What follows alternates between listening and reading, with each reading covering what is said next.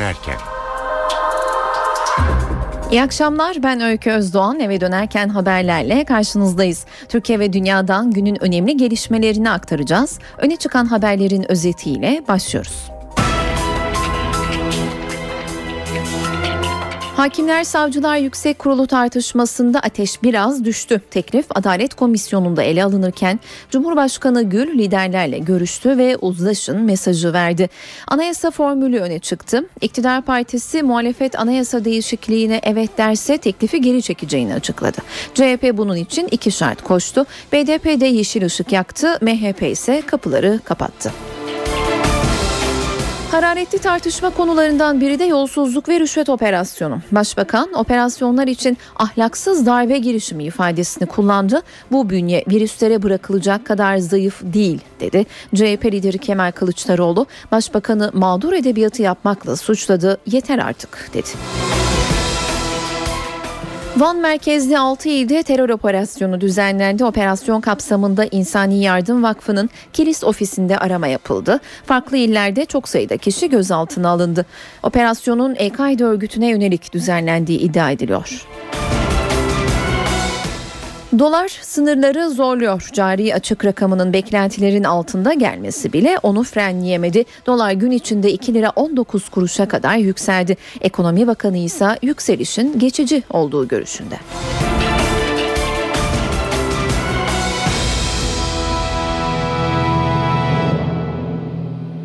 Cumhurbaşkanı Abdullah Gül devreye girdi. Tansiyon biraz düştü. Hakimler Savcılar Yüksek Kurulu düzenlemesi Meclis Adalet Komisyonu'nda ele alınmaya devam ediyor. Ancak Gül'ün dün Başbakan ve muhalefet liderleriyle yaptığı görüşmenin ardından kulislere bir uzlaşıya varıldığı haberi yansıdı. Bugünkü temas trafiği de bu tezi kuvvetlendirdi. Başbakan Erdoğan grup kürsüsünde muhalefetle anayasa değişikliği yapılması konusunda uzlaşırsak teklifi geri çekeriz dedi. Tam da bu dakikalarda Adalet Bakanı Bekir Bozdağ muhalefet turuna çıktı. Başkentte gün oldukça hareketliydi. Ne olduğunu, muhalefetin iktidardan gelen bu öneriye nasıl yaklaştığını NTV muhabiri Miray Aktaoğlu'ca soracağız. Miray seni dinliyoruz. HSYK düzenlemesiyle ilgili dün köşkte bugünse Türkiye Büyük Millet Meclisi'nde baş döndürücü bir trafik var. AK Partili milletvekillerinin teklifi şu sıralarda Adalet Komisyonu'nda görüşülmeye devam ediliyor. Teklifin 20'den fazla maddesi komisyonda kabul edildi. Diğer yandan da HSYK'nın yapısını değiştirmek için hükümetin anayasa değişikliği önerisi var. Ee, bu konuda bugün Adalet Bakanı Bekir Bozdağ ve e, AK Parti Grup Başkan Vekili Nurettin Canikli muhalefet partilerini ziyaret ettiler. Bekir Bozdağ'ın kapısını ilk çaldığı parti Cumhuriyet Halk Partisi'ydi. CHP'li yaklaşık bir saat süren bir görüşme yaptılar ee, ve Bekir Bozdağ sonrasında yaptığı dikkat çeken açıklamalar vardı. Eğer anayasa değişikliği konusunda mutabakat olursa buna uyarız şeklinde bir değerlendirme yaptı. Komisyonun üye sayısı ve komisyona ilişkin diğer detaylar konusunu ise e, bir mutabakat sağlanması halinde değerlendireceklerini ifade etti. CHP'den gelen yanıta göre teklifin durdurulup durdurulmayacağına karar vereceğiz dedi. Bekir Bozdağ tam bu açıklamaları yaparken Başbakan Erdoğan da grup kürsüsünden muhalefete çağrıda bulundu. Gelin anayasa değişikliğini birlikte yapalım. Eğer anayasa değişikliğine tamam derseniz e, derseniz bu teklifi dondururuz genel kurula getirmeyiz şeklinde bir değerlendirmesi oldu. Hem e, Cumhuriyet Halk Partisi cephesinde Akif Hamza Çebi'den hem de Genel Başkan Kemal Kılıçdaroğlu'ndan gelen değerlendirmeler vardı bu görüşmenin ardından. Akif Hamza Çebi öncelikle e, anayasaya aykırı olduğunu savunduğu Meclis Adalet Komisyonu'ndaki HSYK düzenlemesinin durdurulması ve geri çekilmesi şartlarını yineledi. Bunun yanı sıra halen yürümekte olan yolsuzluk soruşturmalarının da engellenmemesini istedi. En geç Perşembe günü Cumhuriyet Halk Partisi yanıtını verecek e, ve eğer CHP'den olumlu görüş gelirse komisyon aşamasında e, ya da genel kurula e, getirmeden AK Parti bu teklifi dondurabilir gibi gözüküyor. CHP Genel Başkanı önce teklifi geri çeksinler şeklinde bir değerlendirme yaptı ve gün içerisinde bizim meclis kulislerinden edindiğimiz izlenimler Cumhuriyet Halk Partisi'nin e, bu düzenlemeye olumlu baktı e, şeklinde ancak son kararı CHP'nin e, en üst karar organlarında verecekler. MYK'ya getirecek Cumhuriyet Halk Partisi ve muhtemelen de Perşembe günü Adalet ve Kalkınma Partisi'ne yanıtını verecek gibi görünüyor. Ee, İktidar Partisi CHP buna olumlu yanıt verdiği anda CHP ile yoluna devam etmeye hazır. Ancak MHP tamamen kapıları bu düzenlemeye bir anayasa değişikliğine kapatmış durumda. MHP olarak e, Oktay Vural bir açıklama yaptı. MHP adına Oktay Vural bir açıklama yaptı ve yolsuzluk ve rüşvet soruşturması devam ederken anayasal e, bir müdahale, e, yargı organlarına müdahalenin doğru olmadığını söyledi. Anayasa değişikliğinin yargıya müdahale anlamına geleceğini ve bunun kedinin e, kediye ciğerin teslim edilmesi gibi olacağını ifade etti. Bu yüzden üzerinde uzlaşma sağlanarak bir metin oluşturmasına e, Milliyetçi Hareket Partisi kapılarını tamamen kapattı. E, Barış ve Demokrasi Partisi'nden de yine e, bunun bu e, öneriye yönelik sıcak mesajlar vardı. Eğer bir anayasa değişikliği gerekiyorsa biz buna varız şeklinde bir değerlendirme yaptı BDP. E, dediğimiz gibi CHP ve BDP'den olumlu mesajlar gelirken Milliyetçi Hareket Partisi tamamen kapılarını kapattı. Ancak sadece CHP ile dahi 367'nin sağlanması mümkün olduğundan eğer Cumhuriyet Halk Partisi buna olumlu bir yanıt verecek olursa Perşembe günü iktidar partisine e, sonrasında bir komisyon kurulması ve o komisyonun HSK'nın yapısını değiştiren bir düzenleme için bir anayasa değişikliği için harekete geçmesi bekleniyor. E, tabii eğer CHP'den ve aynı şekilde BDP'den olumlu yanıt gelirse. E, bunun yanı sıra gün içerisinde HSYK teklifiyle ilgili e, bazı gelişmeler vardı. Türkiye Büyük Millet Meclisi'nde yaşanan onları da aktaralım. E, Cuma, cumartesi günü yaşanan bazı gerginlikler vardı, kavgalar vardı ve e, muhalefet milletvekillerinin temel itiraz noktası bu düzenlemenin halen Adalet Komisyonu'nda görüşülmekte olan teklifin anayasaya aykırı olduğu yönünde. Bu yüzden bugün Anayasa Komisyonu toplama çağrısı yaptılar. Onlar Anayasa Komisyonu'na gittiler ancak iktidar temsilcileri gitmediler. Bu yüzden Anayasa Komisyonu Başkanı Burhan Kuzu orada hazır bulunmadığı için onunla ilgili bir suç duyurusunda da bulundular. Dediğimiz gibi teklifin görüşmeleri bir yandan devam ediyor. Bu gelişmeler yaşanıyor ama Diğer tarafta da bir takım uzlaşmalara yönelik e, girişimler var. Onlar da aynı şekilde Türkiye Büyük Millet Meclisi çatısı altında sürmeye devam ediyor. HSYK ile ilgili gelişmelerin iki koldan yürüdüğünü söyleyebiliriz. Bugün bu yaşananlara ilişkin e, diğer detayları ise sıradaki haberimizde dinleyelim. Eğer muhalefet anayasa değişikliğini bu konuyla ilgili beraber yapalım derse biz yasa teklifini dondururuz. Hükümet muhalefetin kapısına çaldı, HSYK düzenlemesini anayasa değişikliğiyle yapalım dedi. Parlamento içinde grupların kendi gücüne göre aynen Radyo Televizyon Üst Kurulu'nda olduğu gibi sayılarına göre HSYK içerisinde onlar da temsil edilme imkanını bulacaklardır, bulabilirler. Hakimler Kurulu'nu ayrı, Savcılar Kurulu'nu ayrı olarak da planlayabiliriz. Hükümetin bu önerisini Adalet Bakanı Bekir Bozdağ, Grup Başkan Vekili Nurettin Canikli ile birlikte ilk olarak CHP'ye iletti. CHP masaya oturmak için mevcut teklifin geri çekilmesini şart koştu. Teklifin görüşmelerinin durdurulması, ikinci olarak halen yürütülmekte olan rüşvet ve yolsuzluk soruşturmalarının hiçbir şekilde engellenmemesi, bunların devam ettirilmesi. Hükümet ise Adalet Komisyonu'nda görüşülen teklifi CHP'den gelecek yanıta göre askıya alacak. Tabii Cumhuriyet Halk Partisi'nin görüşü e, şey kararından sonra bu konudaki durumu değerlendireceğiz. Bir anayasa değişikliği konusunda mutabakat olduğu takdirde biz bu mutabakata uyacağız. Bozdağ ikinci olarak öneriyi MHP grubuna götürdü. MHP'den red yanıtını aldı. Milliyetçi Hareket Partisi olarak biz e, böyle bir anayasa değişikliğini uygun görmediğimizi e, ve yargı sürecinde olan e, rüşvet ve yolsuzluk soruşturmasının e, devam etmesi gerektiğini ifade ettik. Bozdağ ve Canikli'nin son durağı BDP grubu oldu. BDP öneriye yeşil ışık yaktı. Anayasa değişikliği gerekiyorsa ki gerekiyor bunun için biz hazırız. HSYK Genel Kurulu ise yarın toplanıyor. Adalet Bakanlığı'ndan yapılan açıklamada kurulun yeni üyelerinin katılımıyla ilk toplantısını gerçekleştireceği duyuruldu. Adalet Bakanı Bekir Bozdağ ile Adalet Bakanlığı Müsteşarı Kenan İpek de kurul üyesi olarak ilk kez toplantıya katılacak. Grup konuşmalarında yeniden yargılama tartışmaları ve 17 Aralık yolsuzluk operasyonu da değerlendirildi. Başbakan Erdoğan devlet içinde çete olarak tanımladığı yapının Türkiye'nin milli kurumlarına hedef aldığını savundu. Operasyonlar için ahlaksız darbe girişimi ifadesini kullandı. Başbakan yeniden yargılama başlığı içinse net ifade kullanmadı ancak yeşil ışık yaktı.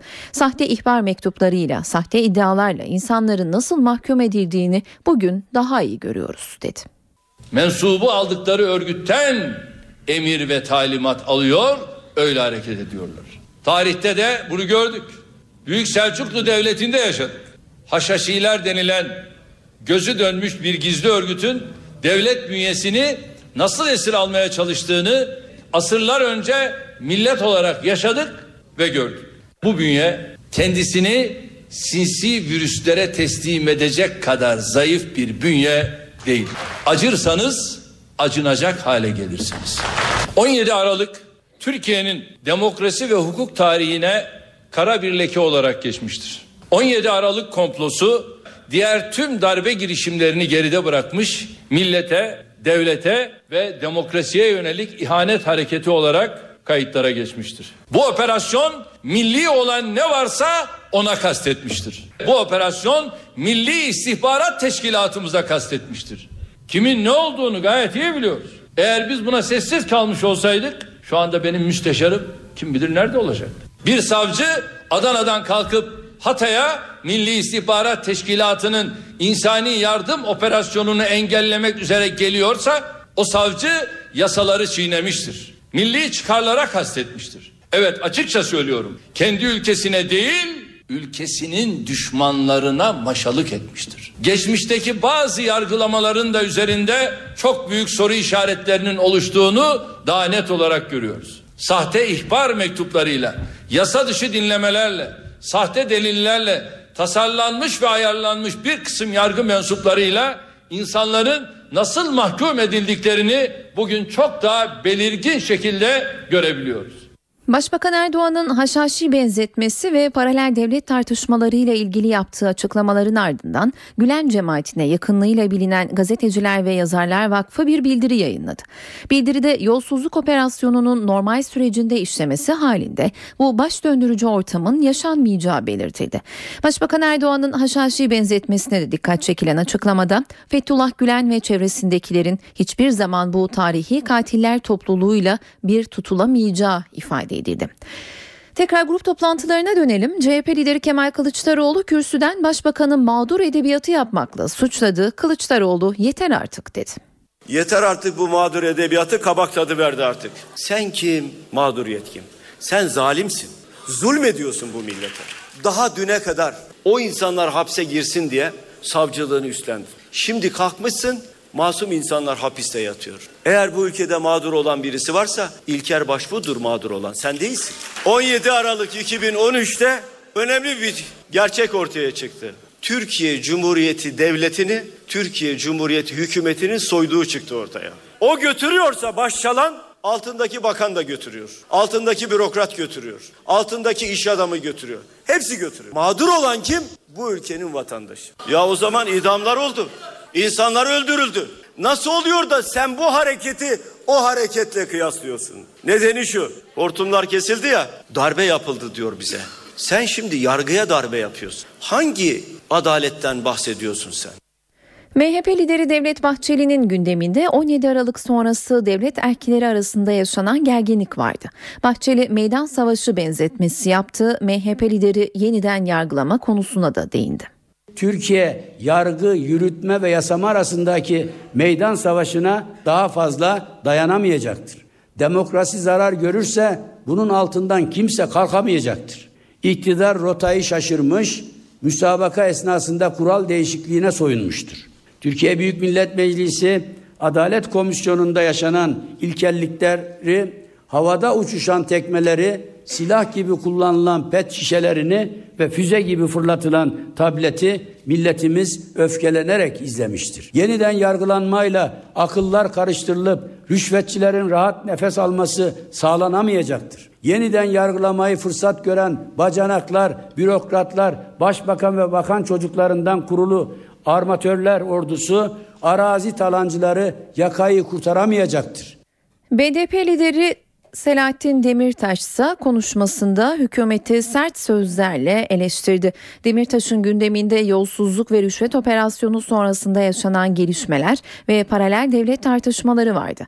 Demirtaş, Başbakan Erdoğan'ın bu bünye kendisini virüslere bırakacak kadar zayıf değil sözlerine de yanıt verdi.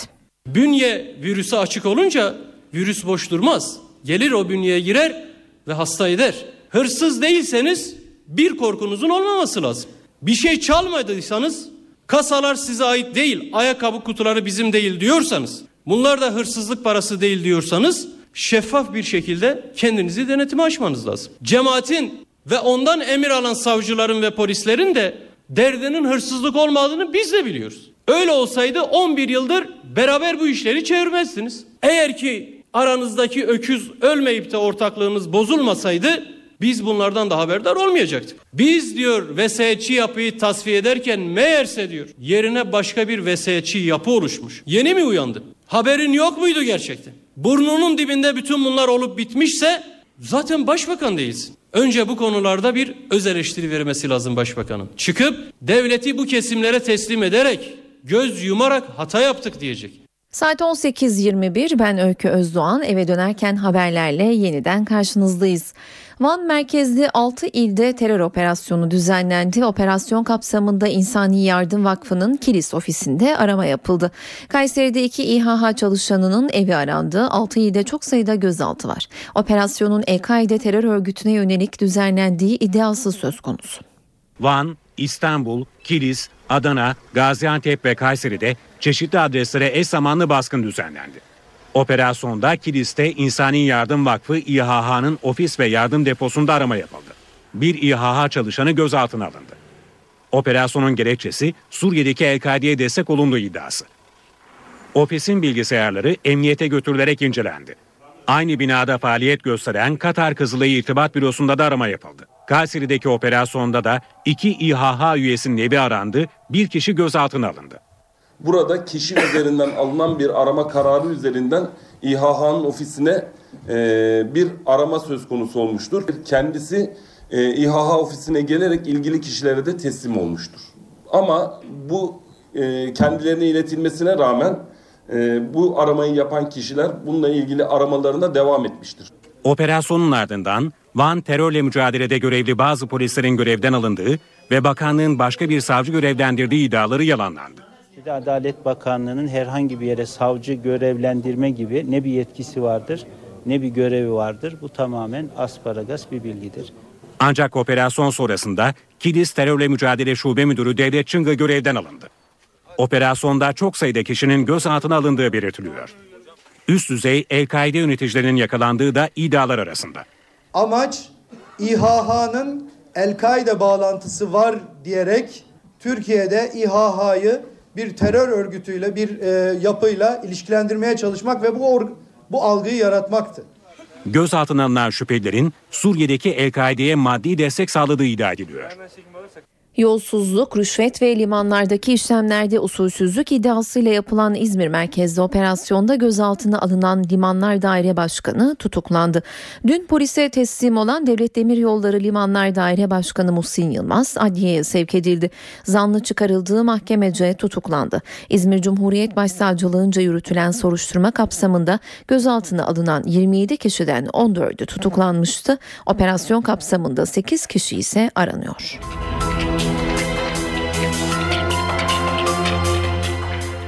Kuzey Irak petrollerinin Türkiye'ye akışı Arap saçına döndü. Irak Başbakanı Nuri El Maliki, Türkiye egemenlik konularımıza karışmasın, bizden habersiz akış başlarsa Kuzey Irak'ın bütçe ödeneğini keseriz dedi.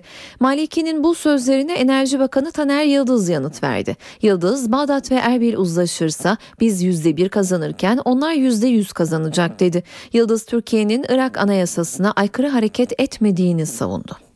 Sağır Sultan'ın duyduğu ve aylardan bu yana yürüttüğümüz hatta yıllardan bu, bu yana yürüttüğümüz bir çalışmadan bahsediyoruz. Ne yaparsak Bağdat'ın ve Erbil'in gelirlerini arttırmaya dönük olduğunu bir kez daha altını çizmek isterim. Yüzde birler civarında Türkiye taşıma ücreti alıyor. Ama bizim aldığımız her taşıma ücretinin 100 katını yaklaşık 102 katını Irak alıyor.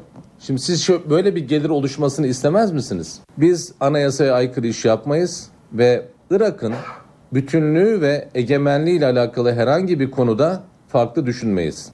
Bu sözleşmelerin gecikiyor olmasında yalnızca Irak ve Türkiye olarak düşünmeyin. Hele hele şu konjonktürde çok daha farklı gerekçelerin olabileceğini ihtimal dahilinde bulundur, bulundurun diye bahsetmek isterim. Doların ateşi düşmüyor, yükseliş devam ediyor. Dolardaki yukarı yönlü hareketlilik bugün Ekonomi Bakanı Nihat Zeybekçi'ye soruldu. Zeybekçi dolardaki yükselişin kalıcı olmayacağını düşünüyorum dedi. Türkiye olarak ben böyle bir riski yani kontrol edilemez özel sektörü de etkileyecek bir kur riskini Türkiye'nin yaşayacağını inanmıyorum. Ekonomi Bakanı Nihat Zeybekçi dolardaki yükselişi değerlendirdi. Zeybekçi, gazetecilerin sorusu üzerine dolardaki yükselişi spekülatif bulduğunu söyledi. Bakan Merkez Bankası'nın spekülatif hareketlere müdahale etmemesi gerektiği görüşünü yineledi. Merkez Bankamız hakikaten son derece güçlü bir yapıya sahip. Ee, spekülatif amaçlı yapılan oynamalara müdahale ederek illaki bunu aşağıya doğru düşüreceğim diye bir gayret içinde olmaması gerektiğine inanıyoruz. Çünkü e, ekonomi bir tabiat olarak düşünürsek bunu kendi içinde, kendi kuralları çerçevesinde ve zamana birazcık yayarak kesinlikle yerine oturtacaktır. Ekonomi Bakanı, doların ekonomik bir rahatsızlıktan değil, siyasi gelişmelerden dolayı yükseldiği görüşünde. Bakana göre yaşanan yükseliş kalıcı da olmayacak.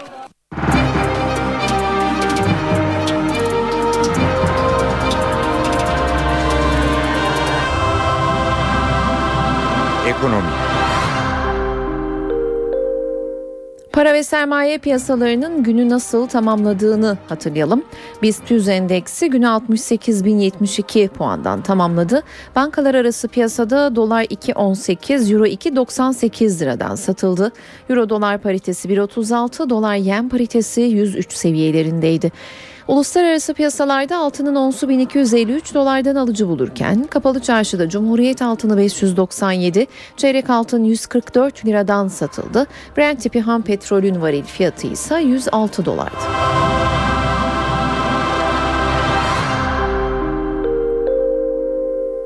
Temassız kartlarla ödemede limit 35 liradan 50 liraya yükseltildi. Bankalar arası kart merkezinden yapılan açıklamada uygulamanın yılbaşından itibaren yürürlüğe girdiği belirtildi.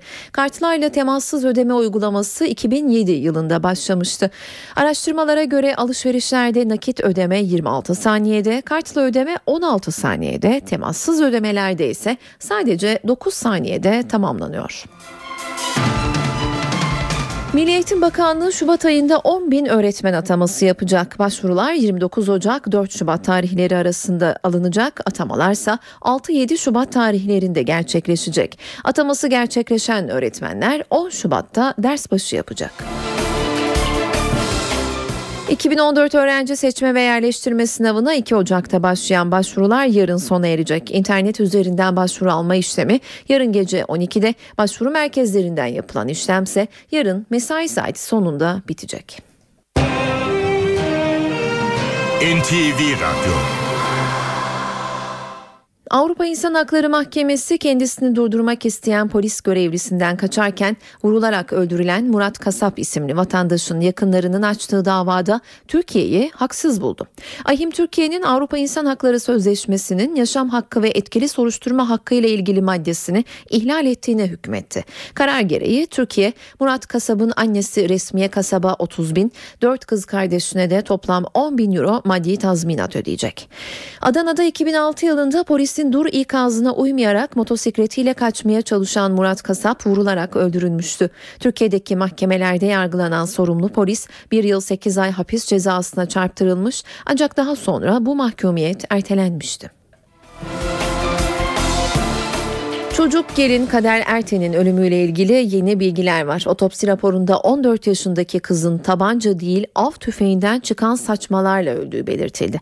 Kader'in ailesi ise kızlarının görücü usulüyle değil severek evlendiğini söylüyor. Çocuk gelin Kader Erten'in ölümüyle ilgili sorulara yanıt aranıyor. 14 yaşında hayata veda eden Erten'in otopsi raporunun detayları ortaya çıkmaya başladı. Rapora göre savcılığın şüpheli gördüğü ölüme neden olan silah av tüfeği. Raporda tüfekten çıkan saçmaların iç organlarda tahribat ve kemiklerde kırılmaya neden olduğu belirtildi. Kader'in Van'da yaşayan babası Musa Erten de olayın bir an önce aydınlatılmasını istiyor. Neyi neysidir? Kim kızımı vurmuştur? Yani kendini vurmuştur, beyan edin. Başkası da vurulmuştur. Ben onun hakkını araştırmayı istiyorum. Acılı baba kızını zorla evlendirmediğini, Kader'in yaşının nüfustakinden büyük olduğunu söylüyor. Ben diyorum kızım sen bu çocuğu istiyorsun istemiyorsun. Diyor babam ben istiyorum. Ee, yani e, zorlama şöyle böyle hiçbir şey de yoktur. Hani 18'e girmiştir. Kader'in Edirne'de askerlik yapan eşi Mehmet Atağan olayı çarşı iznindeyken haber sitelerinden öğrendiği de iddialar arasında. Atağan ikinci çocuğunun öldüğünü bilmediği, Kader'in ölümünden sonra öğrendiği belirtiliyor. Sağlık Bakanlığı Türkiye'de organ bağışını artırmak için din adamlarından faydalanacak. Bu kapsamda 400 din adamı ve muhtar kapı kapı gezip organ bağışının dini açıdan sakıncası olmadığını halka anlatacak. Herkes mutlu olsun, herkes hayatta tutulsun. Sımsıkı tutulsun ve bırakmayalım. Kiraz Bakalı 18 yıl kornea nakli bekledi. Onun gibi organ nakli bekleyen 24 bin kişi var. Türkiye'de geçtiğimiz yıl 1859 kişi organ bulunamadığı için yaşamını yitirdi. Organ bağışının ihtiyacı karşılayamamasının nedenlerinden biri de dinen caiz olmadığına yönelik toplumdaki kanaat. Sağlık Bakanlığı sorunu çözmek için harekete geçti. 81 ilden din adamları ve muhtarlarla bir araya geldi. İhtiyacımız olduğu zaman bazen bir bardak suyun bile ne kadar çok anlamlı ve çok değerli olduğunu düşünürsek hayata tutunabilmek için organ bağışını bekleyen 24 bine yakın vatandaşımızı bu gözle bakmak, bu gözle değerlendirmek ve bu gözle insanlara faydalı olmak anlamında sorumluluklarımız var. 250 din görevlisi ve 150 muhtar kapı kapı dolaşarak organ bağışı konusunda halkı bilgilendirecek. Organ nakli yaptıranlar ve nakil için organ bekleyenler de herkesi organ bağışı konusunda daha duyarlı olmaya çağırdı. İnsanın kendi evladını görememek çok acı bir duyguydu. Oysa şimdi çocuklarımı görüyor, kendi ihtiyaçlarımı karşılıyor ve başıma gelebiliyorum. Bir buçuk yıl önce nakli oldum. Kendime söz verdim. Her ne olursa olsun dedim organlarımı bağışlayacağım. Bir ilaç firması Türkiye'nin akılcı ilaç kullanımını araştırdı ve bir harita çıkardı. Buna göre Türk halkı çoğunlukla yakınlarının önerisi üzerine ilaç kullanıyor. En fazla önerilen ilaçsa ağrı kesiciler.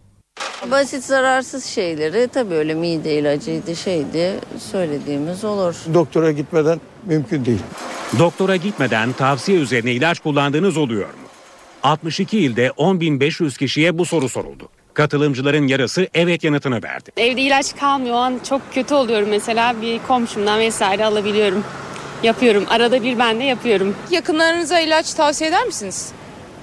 Yok hayır. Yani doktora danışmadan ilaç kullanmayız diye. Bir ilaç firmasının araştırmasına göre önerilen ilaçlar arasında ağrı kesici %71 ile ilk sırada yer alıyor. İlaçlar insanlara alerjik reaksiyonlar uyandırabilir. Hangi ilacın hangi insanda ne gibi bir reaksiyon vereceğini önceden kestiremezsiniz. Dolayısıyla e, ağrı kesici kullanırken yine de dikkatli olmak gerekir diye düşünüyorum. Kullandığınız ilaç sizin günlük dozunuzu geçiyorsa bu sefer de karaciğer ve börek açısından toksik olacaktır. Ağrı kesici mide ilacı, vitamin, antibiyotik, soğuk algınlığı ilaçları ve antidepresanlar takip ediyor. Doktorlara göre bu alışkanlık zararlı. Antibiyotikler bir defa rastgele kullanılacak ilaçlar değil. Hangi hastalıkta hangi antibiyotik kullanmak doktora bağlı olan bir konudur. Siz rastgele kullandığınız antibiyotikler sizin e, hastalığınıza etki etmeyebilir. Hitit alfabesinin çözülmesinde büyük rol oynamış bir isim arkeolog Halet Çambel bugün son yolculuğuna uğurlandı. İstanbul Üniversitesi Fen Edebiyat Fakültesi Şeref Holü. Kalabalık 98 yaşında hayatını kaybeden ünlü arkeolog Halet Çambel'in cenaze töreni için toplandı. Anısına konuşmalar yapıldı. Arkasında ölmez eserler bırakanlar bu yolculukta aramızdan ayrılsalar bile ebedi olarak yaşamalarına devam edeceklerdir. Halet Çambel genç bir arkeolog olarak yurt dışındaki eğitimini tamamladıktan sonra Anadolu yollarına düştü. Hitit uygarlığına ait önemli eserleri gün ışığına çıkaran ekipler de yer aldı. Osmaniye'ye bağlı Karatepe, Halet Çambel'in en önemli kazılarını yaptığı yerdi. Çambel aynı zamanda Türkiye'nin olimpiyatlara gönderdiği ilk kadın sporculardandı. 1936 Berlin olimpiyatlarında eskrim dalında yarıştı. Ev sahibi Almanya'nın lideri Adolf Hitler Çambel ile tanışmak istemiş ancak o bu teklifi reddetmişti. Çambel'in öğrencileri, öğrencilerinin öğrencileri ve yakınları katıldı törene. Konuşmaların ardından cenazesi Muğla'ya, eşi Nail Çakırhan'ın mezarının yanına gönderildi. Türk sinemasının sultanı Türkan Şoray böbrek ameliyatı oldu. Ünlü sanatçı İstanbul'da özel bir hastanede sabah saatlerinde ameliyata alındı. Şoray'ın sağlık durumunun iyi olduğu ve yakında taburcu olabileceği bildirildi. Doktoru ünlü sanatçının sol böbrek üstü bezinde aşırı hormon salgılanmasına yol açan bir büyüme tespit edildiği için ameliyat edildiğini söyledi. Antalya'da falezler kayıyor. Uyarı Afetler ve Kriz Çalışma Grubu'ndan. Grup Başkanı Ahmet Çiçek falezlerin her yıl santim santim kaydığını söyledi. Tehlikeli bölge Yavuz Özcan Parkı'ndan Cumhuriyet Meydanı'na kadar uzanıyor. Antalya'daki falezlerde kayma var. İddiaya göre zemindeki kayma her yıl gözle görülür şekilde artıyor. Tehlikeli bölge Yavuz Özcan Parkı'ndan Cumhuriyet Meydanı'na kadar uzanıyor. Bu bölgede santim santim de olsa ciddi bir kayma söz konusudur. Biz 10-15 yıl önceki raporlarımızda buna dikkat çekmiştik. İl Özel İdare binasındaki malum e, çatlaklar veya oturulamaz raporu ile e, boşaltılmıştır. Olası bir depremde yıkım yaşanabileceğini belirten Afetler ve Kriz Çalışma Grubu Başkanı Ahmet Çiçek, çok katlı binaların boşaltılması gerektiği görüşünde. Bu alanın e, uzun vadede e, boşaltılarak park haline dönüştürülmesi de Antalya şehir merkezine ciddi bir ayrıca nefes aldıracaktır. Saat 18.41 ben Öykü Özdoğan eve dönerken haberlerle yeniden karşınızdayız. Suriye krizinin çözümü için kritik zirve 22 Ocak'ta Cenevre'de yapılacak. Esad'a karşı mücadele eden muhalefetin görüşmelere katılıp katılmayacağı Cuma günü belli olacak. Muhalefetin görüşmelere katılması konusunda ısrarcı olan Amerika ve İngiltere ise son olarak ya Cenevre'ye gidersiniz ya da bizden artık yardım alamazsınız tehdidinde bulundu. Suriye hükümetiyle muhalefetinin aynı masada buluşturulmasının planlandığı Cenevre 2 görüşmelerine bir hafta kaldı. Ancak Suriye muhalefetinin ana temsilcilerinden Suriye Ulusal Koalisyonu'nun görüşmeye katılıp katılmayacağı belli değil. Katılım gerçekleşmezse İngiltere ve Amerika Birleşik Devletleri koalisyona desteklerini gözden geçirecek. Amerika Birleşik Devletleri Dışişleri Bakanı John Kerry, Paris'teki Suriye'nin dostları toplantısında muhalefeti Cenevre 2 görüşmelerine katılması için uyardı. Kerry, politik bir yoldan başka bir seçenek olmadığını belirtti. İngiltere Dışişleri Bakanı William Hague ise Suriye'nin geleceğinde Esad yok dedi. 125 bin kişinin ölümünden ve işkenceyle geçen yılların ardından Esad'ın Suriye halkını yeniden bir araya getireceği düşünülemez. Ben de diğer gözlemciler gibi düşünüyorum. Esad'ın Suriye'nin geleceğinde herhangi bir rolü yok. Koalisyon görüşmelere katılıp katılmayacağına cuma günü yapılacak oylamayla karar verecek. Suriye'de 3 yıla yakın bir süredir devam eden çatışmalarda muhalif gruplar arasında da derin ayrılıklar yaşanıyor. Cenevre 2 olarak adlandırılan görüşmeler iç savaşın sonlanması yönünde atılacak önemli bir adım olarak görülüyor. Suriye'de bir yandan çatışmalar sürerken bir yandan da insani kriz derinleşiyor. Çatışmadan kaçan Suriyeli Kürtler Dicle Nehri'ni geçerek Kuzey Irak'a sığınıyor. Suriye'den kaçış sürüyor. Yüzlerce Suriyeli Kürt, Eylül ayının ortasında kapanan sınırın yeniden açılmasının ardından teknelerle Irak'ın kuzeyine kaçıyor. Dicle'nin karşısına geçenler mülteci kamplarının yolunu tutuyor. Dicle üzerindeki seferler akşam saatlerinde de sürerken bir haftada Kuzey Irak'a geçenlerin sayısının 5000'i bulduğu belirtiliyor. Birleşmiş Milletler Genel Sekreteri Ban Ki-moon da bölgede Suriyeli sığınmacıların kaldığı Kebir Goz kampını ziyaret etti. Bir çadırda misafir olan Ban Ki-moon burada sığınmacı aileyle görüştü. Ülkenin diğer bölgelerinde de durum pek farklı değil. Şam yakınlarındaki Şenhaya kasabasında tam bir insani kriz yaşanıyor. Yaşadıkları yerlerdeki çatışmalardan kaçanlar bitmemiş binalarda sert kış koşullarında yaşam savaşı veriyor. Uluslararası Kızılaç Komitesi Başkanı Peter Moore da yaşananları ilk elden görmek için Suriye'de temaslarda bulundu.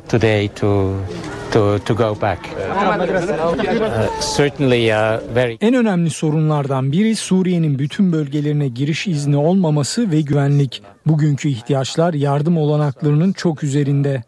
Birleşmiş Milletler, çarşamba günü Kuveyt'te Suriyelilere yardım toplamak amacıyla düzenlenecek konferanstan 6,5 milyar dolar bağış toplamayı umuyor. Fransa'da gündem Cumhurbaşkanı François Hollande.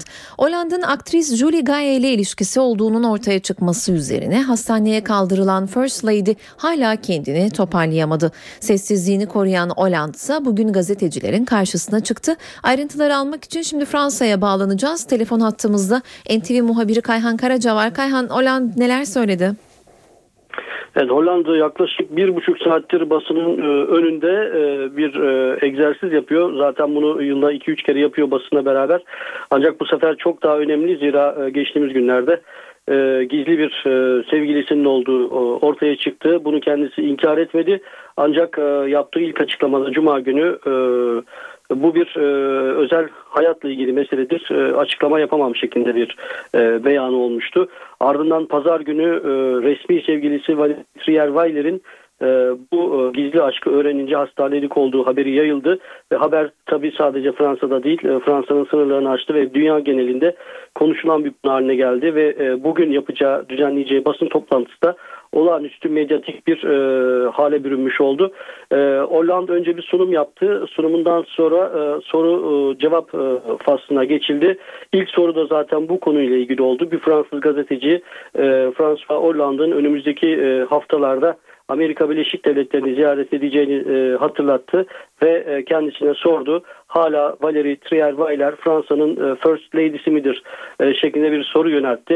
E, François Hollande ise e, sorunuzu anlıyorum ama sizin de benim yanıtınızı anlayacağım e, anlayacağınızdan e, hiçbir e, şüphem yok. Herkes hayatında zor anlar geçirir. Ben de şu anda zor bir an yaşıyorum. E, ancak e, takdir edersiniz ki e, özel hayatla ilgili konular e, özel çerçevede e, ele alınır, e, çözümlenir. E, burası ne bu sorunu e, dile getirmenin ne de çözmenin veya bundan bahsetmenin yeri değildir. Ancak şu konuda sizi temenni ederim ki e, sözünü ettiğiniz ABD ziyareti öncesinde sorunuza yanıt alacaksınız şeklinde bir yanıt verdi ve e, konuyu kapattı. O, o andan itibaren de şu an için e, Fransız gazeteciler ya da e, uluslararası medya kendisine bir e, bu konuyla ilgili bir soru sormuş değil. E, önümüzdeki dakikalarda yeniden bir soru gelecek mi gelmeyecek mi bilmiyoruz ama büyük bir olasılıkla gelmeyecek. E, dolayısıyla François Hollande kendisine yönelik bu sorulardan kaçmış oldu. Oysa özellikle bu sabahtan itibaren Fransa'daki tüm haber kanalları bu konu hakkında özel yayın yapmaktırlar. E, bu e, François Hollande'dan birçok konuyla ilgili e, konu hakkında cevap bekliyorlardı. Özellikle e, ortaya çıkan e, yeni sevgilisi Fransız aktris Julie Gaye ile buluştuğu dairenin kime ait olduğu konusunda zira son iki gündür Fransız basınında bu dairenin e, Fransız e, Korsika mafyasıyla bağlantılı bir kişiye ait olduğuna dair iddialar var ki çok ciddi bir iddia bu. E, öte yandan e, François e, Hollande'ın e, gizli sevgilisiyle buluşurken e, yanında e, fazla güvenlik görevlisi bulunmaması da e, Fransa'da e, olağanüstü tartışma yaratmış durumda. E, hatta e, kendisini e, e, görüntüleyen e, paparazzi e, dün Fransız basınına yaptığı açıklamada başkanın Cumhurbaşkanı'nın e, François Hollande'ın çok kötü korunduğunu, beraber oldukları e, sevgilisiyle beraber olduğu apartmanın etrafında hiçbir güvenlik olmadığını e, söyledi ve isteseydim Hollande'ı sorunsuz orada öldürebilirdim ben şeklinde bir ifade de kullandı. Bunlar tabii tüyler ürpertici ifadeler. Bu konularla ilgili François Hollande'dan bugün e, yanıt bekleniyordu ama biraz önce de belirttiğim gibi François Hollande bu soruları yanıtsız bıraktı. Dolayısıyla şu anda e, François Hollande'ın önümüzdeki günlerde bekleyeceği, e, vereceği yanıtları artık e, bütün Fransa kilitlenmiş durumda. Öte yandan e, resmi e, sevgilisi sevgilisi diyorum zira evlilik dışı bir ilişki yaşıyor François Hollande 2006 yılından bu yana. Bu resmi sevgilisi Valérie Trierweiler Cuma günü öğleden sonra hastaneye kaldırılmıştı. Resmi olarak aşırı yorgunluk nedeniyle e, danışmanları pazar günü öğleden sonra yaptıkları açıklamada pazartesi günü e, taburcu olacağını söylemişlerdi. Ancak taburcu olmadı e, ya da olamadı Valérie Trierweiler ve hala hastanede dün e, akşam yapılan açıklamada e, hastaneden e, daha doğrusu danışmanlarından Trierweiler'in e, kendisinin e, henüz e, taburcu edilmeyeceğini ve e, büyük olasılıkla daha en azından birkaç gün hastanede e, kalacağını zira e, hastanede kalmaya ihtiyacı olduğunu söylediler. E, Fransa'yı e, sarsan ve e, devlet krizine dönüşmekte olan e, gizli aşkla ilgili şu an için söyleyeceklerimiz bu kadar. Kayhan teşekkürler. NTV muhabiri Kayhan Karaca telefon hattımızdaydı. Kayak yaparken geçirdiği kaza sonucu komaya giren Formula 1'in efsane pilotu Michael Schumacher'in beynindeki hasarı tespit etmek için testlere başlandı. Alman Bild gazetesi doktorların Schumacher'in beyninin hangi bölgelerinin ne derece hasar gördüğünü belirlemek amacıyla bir takım testler yaptığını yazdı. Bir başka gazete ise Schumacher'in hafta sonu yeni bir operasyon geçirdiğini iddia iddia etti. Gazete Formula 1 pilotunun beynindeki baskıyı azaltmak için kafatasının küçük bir bölümünün ameliyatla alındığı haberine yer verdi. Alman pilot 29 Aralık'ta Fransız Alplerinde kayarken düşüp başını kayaya çarpmıştı. Schumacher 16 gündür uyutuluyor. Hakimler Savcılar Yüksek Kurulu tartışmasında ateş biraz düştü. Teklif Adalet Komisyonu'nda ele alınırken Cumhurbaşkanı Gül liderlerle görüştü ve uzlaşın mesajı verdi. Anayasa formülü öne çıktı. İktidar Partisi muhalefet anayasa değişikliğine evet derse teklifi geri çekeceğini açıkladı. CHP bunun için iki şart koştu. BDP de yeşil ışık yaktı. MHP ise kapıları kapattı. Hararetli tartışma konularından biri de yolsuzluk ve rüşvet operasyonu. Başbakan operasyonlar için ahlaksız darbe girişimi ifadesini kullandı. Bu bünye virüslere bırakılacak kadar zayıf değil dedi. CHP lideri Kemal Kılıçdaroğlu başbakanı mağdur edebiyatı yapmakla suçladı. Yeter artık dedi. Van merkezli 6 ilde terör operasyonu düzenlendi. Operasyon kapsamında İnsani Yardım Vakfı'nın Kilis ofisinde arama yapıldı. Farklı illerde çok sayıda kişi gözaltına alındı. Operasyonun El-Kaide örgütüne yönelik düzenlendiği iddia ediliyor.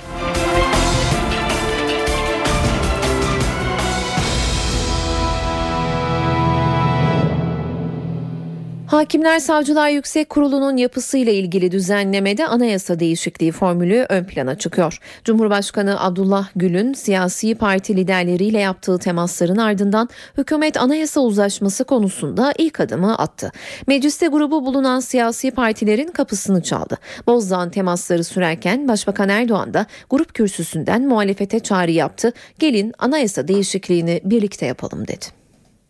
Eğer muhalefet anayasa değişikliğini bu konuyla ilgili beraber yapalım derse biz yasa teklifini dondururuz. Hükümet muhalefetin kapısına çaldı. HSYK düzenlemesini anayasa değişikliğiyle yapalım dedi. Parlamento içinde grupların kendi gücüne göre aynen Radyo Televizyon Üst Kurulu'nda olduğu gibi sayılarına göre HSYK içerisinde onlar da temsil edilme imkanını bulacaklardır, bulabilirler. Hakimler Kurulu'nu ayrı, Savcılar Kurulu'nu ayrı olarak da planlayabiliriz.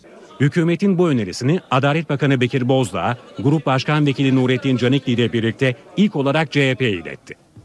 CHP masaya oturmak için mevcut teklifin geri çekilmesini şart koştu. Teklifin görüşmelerinin durdurulması, ikinci olarak halen yürütülmekte olan rüşvet ve yolsuzluk soruşturmalarının hiçbir şekilde engellenmemesi, bunların devam ettirilmesi. Hükümet ise Adalet Komisyonu'nda görüşülen teklifi CHP'den gelecek yanıta göre askıya alacak. Tabii Cumhuriyet Halk Partisi'nin görüşü e, şey kararından sonra bu konudaki durumu değerlendireceğiz. Bir anayasa değişikliği konusunda mutabakat olduğu takdirde biz bu mutabakata uyacağız. Bozdağ ikinci olarak öneriyi MHP grubuna götürdü. MHP'den red yanıtını aldı. Milliyetçi Hareket Partisi olarak biz e, böyle bir anayasa değişikliğini uygun görmediğimizi e, ve yargı sürecinde olan e, rüşvet ve yolsuzluk soruşturmasının e, devam etmesi gerektiğini ifade ettik. Bozdağ ve Canikli'nin son durağı BDP grubu oldu. BDP öneriye yeşil ışık yaktı.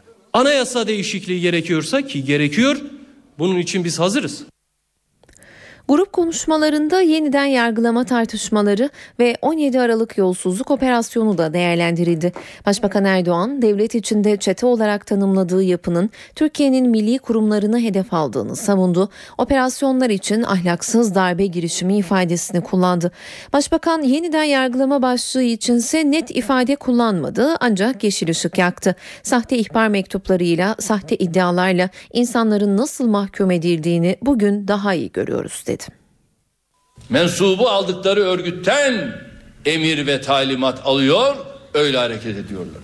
Tarihte de bunu gördük. Büyük Selçuklu Devleti'nde yaşadık. Haşhaşiler denilen gözü dönmüş bir gizli örgütün devlet bünyesini nasıl esir almaya çalıştığını asırlar önce millet olarak yaşadık ve gördük. Bu bünye kendisini sinsi virüslere teslim edecek kadar zayıf bir bünye değil. Acırsanız acınacak hale gelirsiniz. 17 Aralık Türkiye'nin demokrasi ve hukuk tarihine kara bir leke olarak geçmiştir. 17 Aralık komplosu diğer tüm darbe girişimlerini geride bırakmış, millete, devlete ve demokrasiye yönelik ihanet hareketi olarak kayıtlara geçmiştir. Bu operasyon milli olan ne varsa ona kastetmiştir. Bu operasyon Milli İstihbarat Teşkilatımıza kastetmiştir. Kimin ne olduğunu gayet iyi biliyoruz. Eğer biz buna sessiz kalmış olsaydık şu anda benim müsteşarım kim bilir nerede olacak.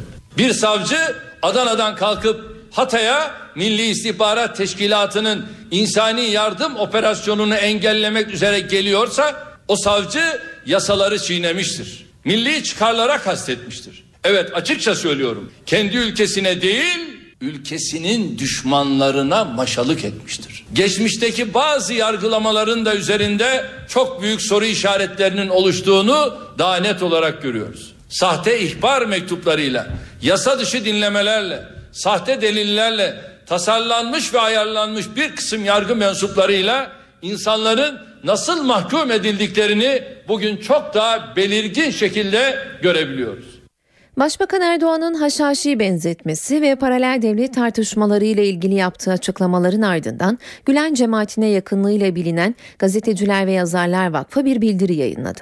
Bildiride yolsuzluk operasyonunun normal sürecinde işlemesi halinde bu baş döndürücü ortamın yaşanmayacağı belirtildi.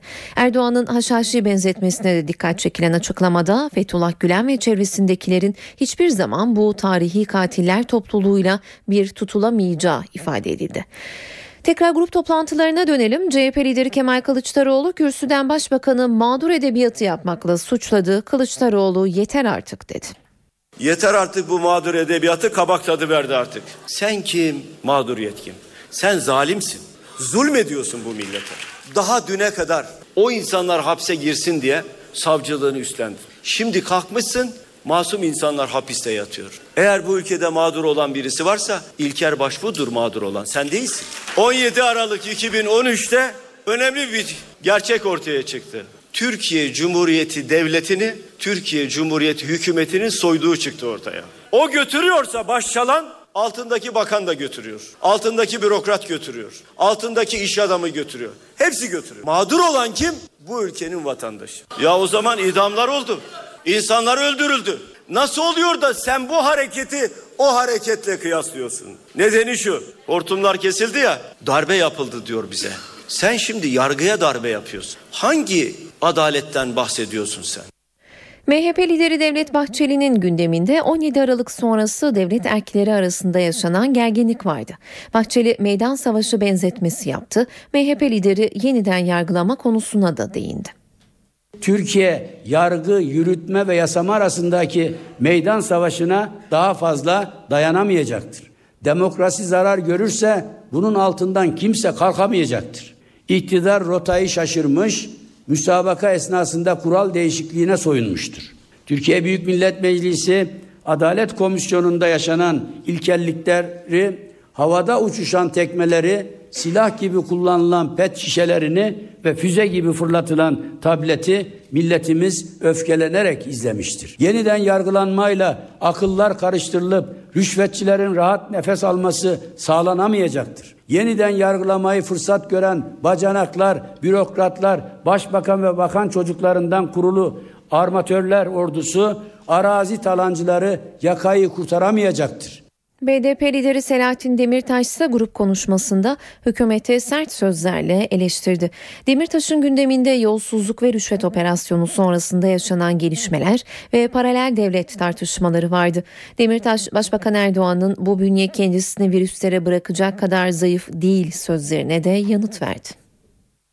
Bünye virüse açık olunca virüs boş durmaz. Gelir o bünyeye girer ve hasta eder. Hırsız değilseniz bir korkunuzun olmaması lazım. Bir şey çalmadıysanız kasalar size ait değil, ayakkabı kutuları bizim değil diyorsanız, bunlar da hırsızlık parası değil diyorsanız şeffaf bir şekilde kendinizi denetime açmanız lazım. Cemaatin ve ondan emir alan savcıların ve polislerin de derdinin hırsızlık olmadığını biz de biliyoruz. Öyle olsaydı 11 yıldır beraber bu işleri çevirmezdiniz. Eğer ki aranızdaki öküz ölmeyip de ortaklığınız bozulmasaydı biz bunlardan da haberdar olmayacaktık. Biz diyor vesayetçi yapıyı tasfiye ederken meğerse diyor yerine başka bir vesayetçi yapı oluşmuş. Yeni mi uyandın? Haberin yok muydu gerçekten? burnunun dibinde bütün bunlar olup bitmişse zaten başbakan değilsin. Önce bu konularda bir öz eleştiri vermesi lazım başbakanın. Çıkıp devleti bu kesimlere teslim ederek göz yumarak hata yaptık diyecek. Van merkezli terör operasyonunda polis 6 ilde çeşitli adreslere baskın yaptı. Operasyon kapsamında İnsani Yardım Vakfı'nın kilis ofisinde de arama yapıldı. Van Cumhuriyet Savcılığı'nın talebiyle terörle mücadele ekipleri Van, İstanbul, Kilis, Adana, Gaziantep ve Kayseri'de bazı adresleri bastı. Kilis'te İnsani Yardım Vakfı'nın ofis ve yardım deposunda arama yapıldı. Bir kişi gözaltına alındı. Bilgisayar incelemek üzere emniyete götürüldü. Aynı binada faaliyet gösteren Katar Kızılay'ı irtibat bürosunda da arama yapıldı. Toplam 6 ildeki operasyonda gözaltılar var. İstanbul'da gözaltına alınan 3 kişi Van'a gönderildi. Gözaltına alınan isimler arasında El-Kaide örgütünün üst düzey yöneticilerinin de olduğu iddia ediliyor. Cumhurbaşkanı Abdullah Gül büyükelçilerle Çankaya Köşkü'nde buluştu. Türkiye'nin hukuk, ekonomi ve demokrasi gibi temel konularda rayına oturduğunu söyleyen Gül ama bunları daha da derinleştirmemiz lazım dedi. Yakın çevremizde ortaya çıkan ciddi risk ve tehditler ile karmaşalığa rağmen demokratik hukuk devleti ve güçlü ekonomi yolundaki kazanımlarımızı konsolide etmemizin de gerekli olduğunu her zaman söylemişimdir temel meselelerde Türkiye'yi aslında doğru rayına oturtturduk. Demokrasi, hukuk ve ekonomi alanda. Ama bunları çok daha derinleştirmek, konsolide etmek, ince ayarları yapmanın şart olduğunu ve şimdi aslında zamanı bununla harcamak gerektiğini ve böyle bir ortamda etrafımızdaki kargaşa ve etrafımızdaki kırılganlıklar karşısında Türkiye'nin güvenilir bir ada olarak ortaya çıkmasının gerektiğini ve kaçınılmaz olduğunu hep söylemişimdir. Kültür sanatla devam edeceğiz. Günün etkinliklerinden öneriler var sırada.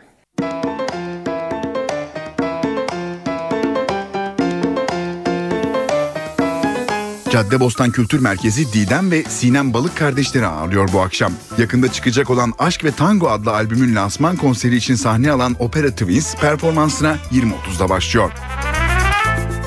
İstanbul Mektup sahnesinde ise Türk Halk Müziği sanatçısı İsmail Altunsaray sahne alıyor bu akşam. Altunsaray performansına saat 22.30'da başlıyor. Jolly Joker İstanbul rock müziğin sevilen gruplarından Duman'ı ağırlıyor. Duman'ın performans başlama saati 21.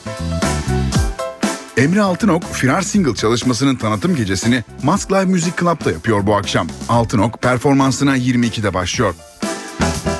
Bahfest Ankara'da 2014 yılı programını en iyi sopranolarından biri kabul edilen Emma Kırkbay ve İzmir Barok Topluluğu konseriyle başlıyor. Etkinlik ODTÜ Kültür ve Kongre Merkezi Kemal Kurdaş Salonu'nda saat 20'de başlıyor.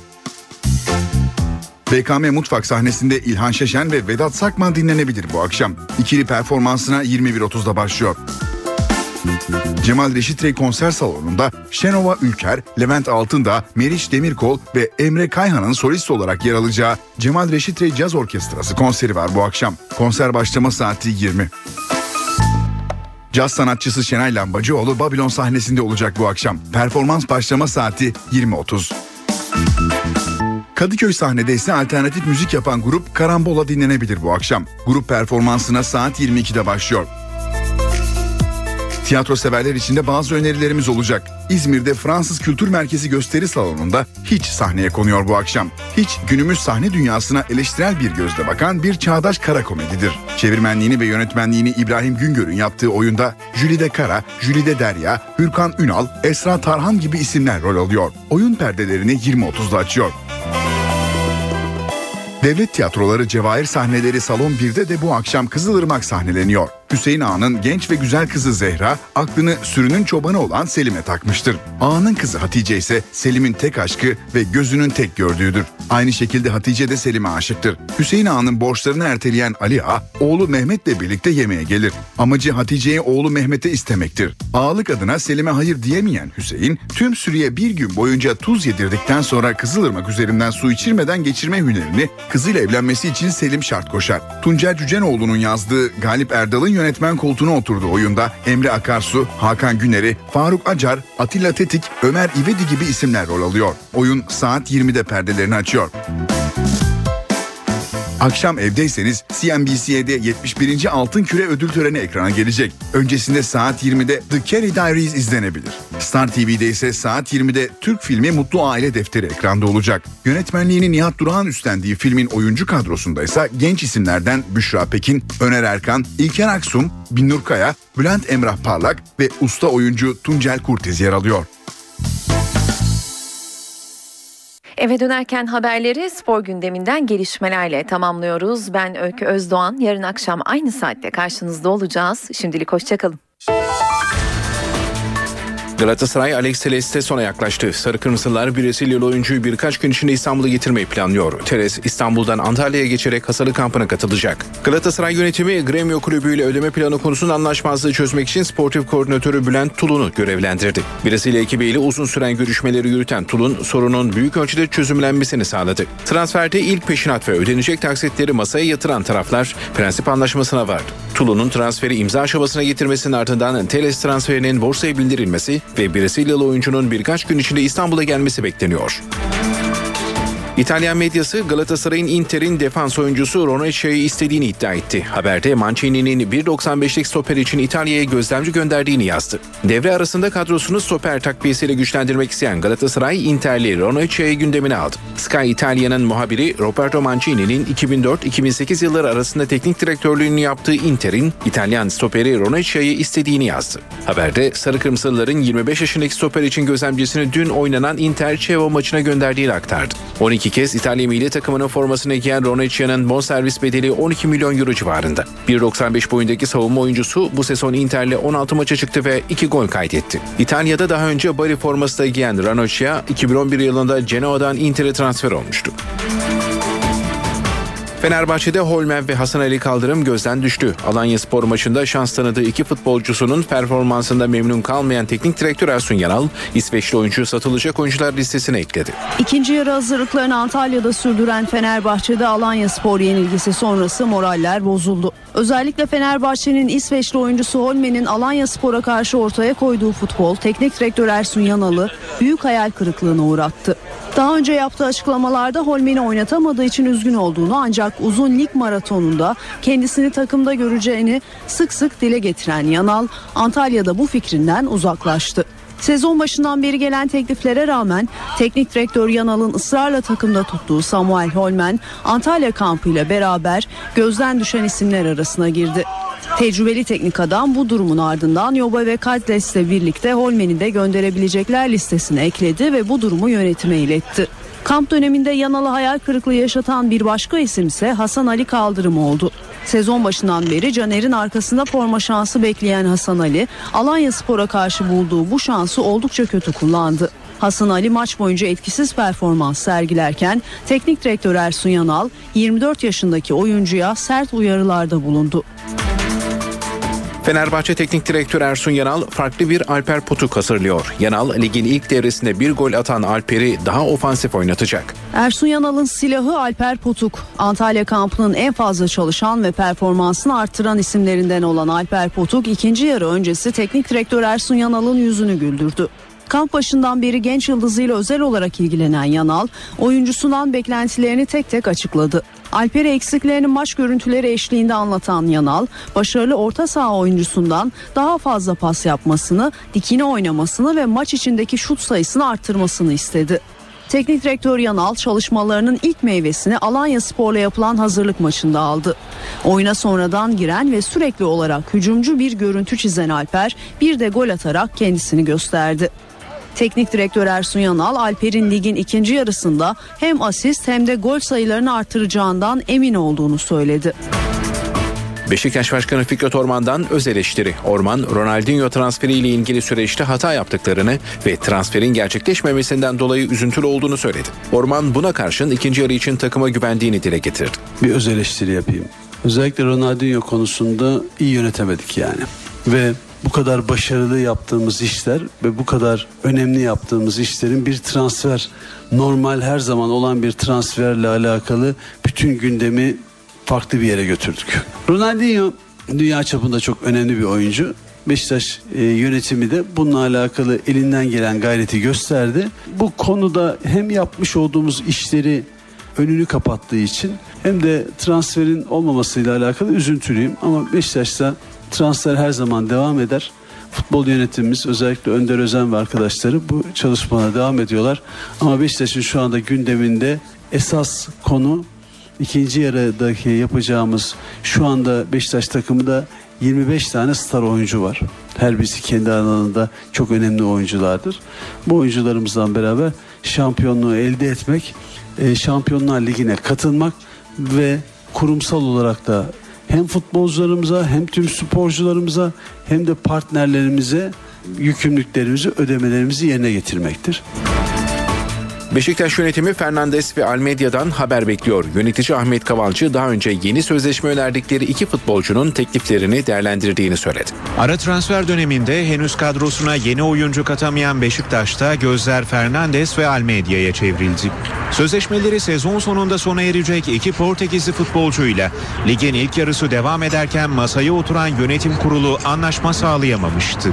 Almeida'ya yıllık 2,5 milyon euro teklif eden yönetim, Fernandes'e de yıllık 2,5 milyon euro ve yaklaşık 2 milyon euro imza parası önermişti. Futbol A takımından sorumlu yönetim kurulu üyesi Ahmet Kavalcı Antalya kampında bu görüşmelerle ilgili bilgi verdi. Kavalcı, Fernandez ve Almeida konusunda beklemede olduklarını söylerken biz teklifimizi yaptık. Oyuncuların kararını bekliyoruz. Sanırım bu iş sezon sonuna kalacak. Devre arasında yeni sözleşme imzalayacağımızı tahmin etmiyorum. Futbolcularımız durumlarını değerlendirip bize haber verecekler, dedi. Tekliflerini yükseltmeyeceklerini dile getiren Kavalcı son sözün Fernandes ve Almeida'da olduğunu söyledi. Beşiktaş kulübü Almeida ve Fernandes'in sözleşmesini 3 yıl uzatmak istiyor. Beşiktaş Kasımpaşa maçının tekrar oynanma kararının yankıları devam ediyor. Kasımpaşa Kulübü Tahkim Kurulu'na müracaat için kolları sıvadı. Kasımpaşa yönetimi Tahkim Kurulu'na vereceği dosyanın hazırlıklarını büyük bir titizlikle sürdürüyor. Müracaat edecekleri son güne kadar Beşiktaş maçında yaşanan en ufak detayı da dosyaya koymak için çalışmalarını sürdüren lacivert beyaz yönetim bunun için özel bir ekip oluşturmuş durumda. Bu ekip Beşiktaş maçında yaşanan olayların şahitlerini, kayıtlarını ve hiçbir detayın atlanmayacağı görüntüleri dosyaya koyarak bu hafta sonuna kadar tahkim kuruluna sunacak. Avustralya açık tenis turnuvasında heyecan sürüyor. Yeni koçu Stefan Edberg'le ilk Grand Slam turnuvasına katılan Roger Federer, 41 derece sıcaklık altında oynanan maçta ev sahibi Avustralya'dan James Duckworth'u 6-4, 6-4 ve 6-2 sonuçlanan setlerle eleyerek ikinci tura yükseldi. Erkeklerde favorilerden Andy Murray ve Juan Martin Del Potro da rakiplerini eleyerek ikinci tur bileti aldı. Rafael Nadal da Bernard Tomic'in ilk setin ardından oyundan çekilmesiyle ikinci tura yükseldi. 16 numaralı seri başı Japon Kei Nishikori ikinci tura çıkmak için Marinko Matosevic karşısında 5 set kortta kaldı. Kadınlarda 2 numaralı seri başı Victoria Azarenka İsveçli Johan Larsson'u 7-6 ve 6-2 sonuçlanan setlerle yenerek bir üst tura çıktı. 10 numaralı seri başı Caroline Wozniacki de İspanyol Lourdes Dominguez Lino'yu 6-0 ve 6-2'lik setlerle saf dışı bıraktı.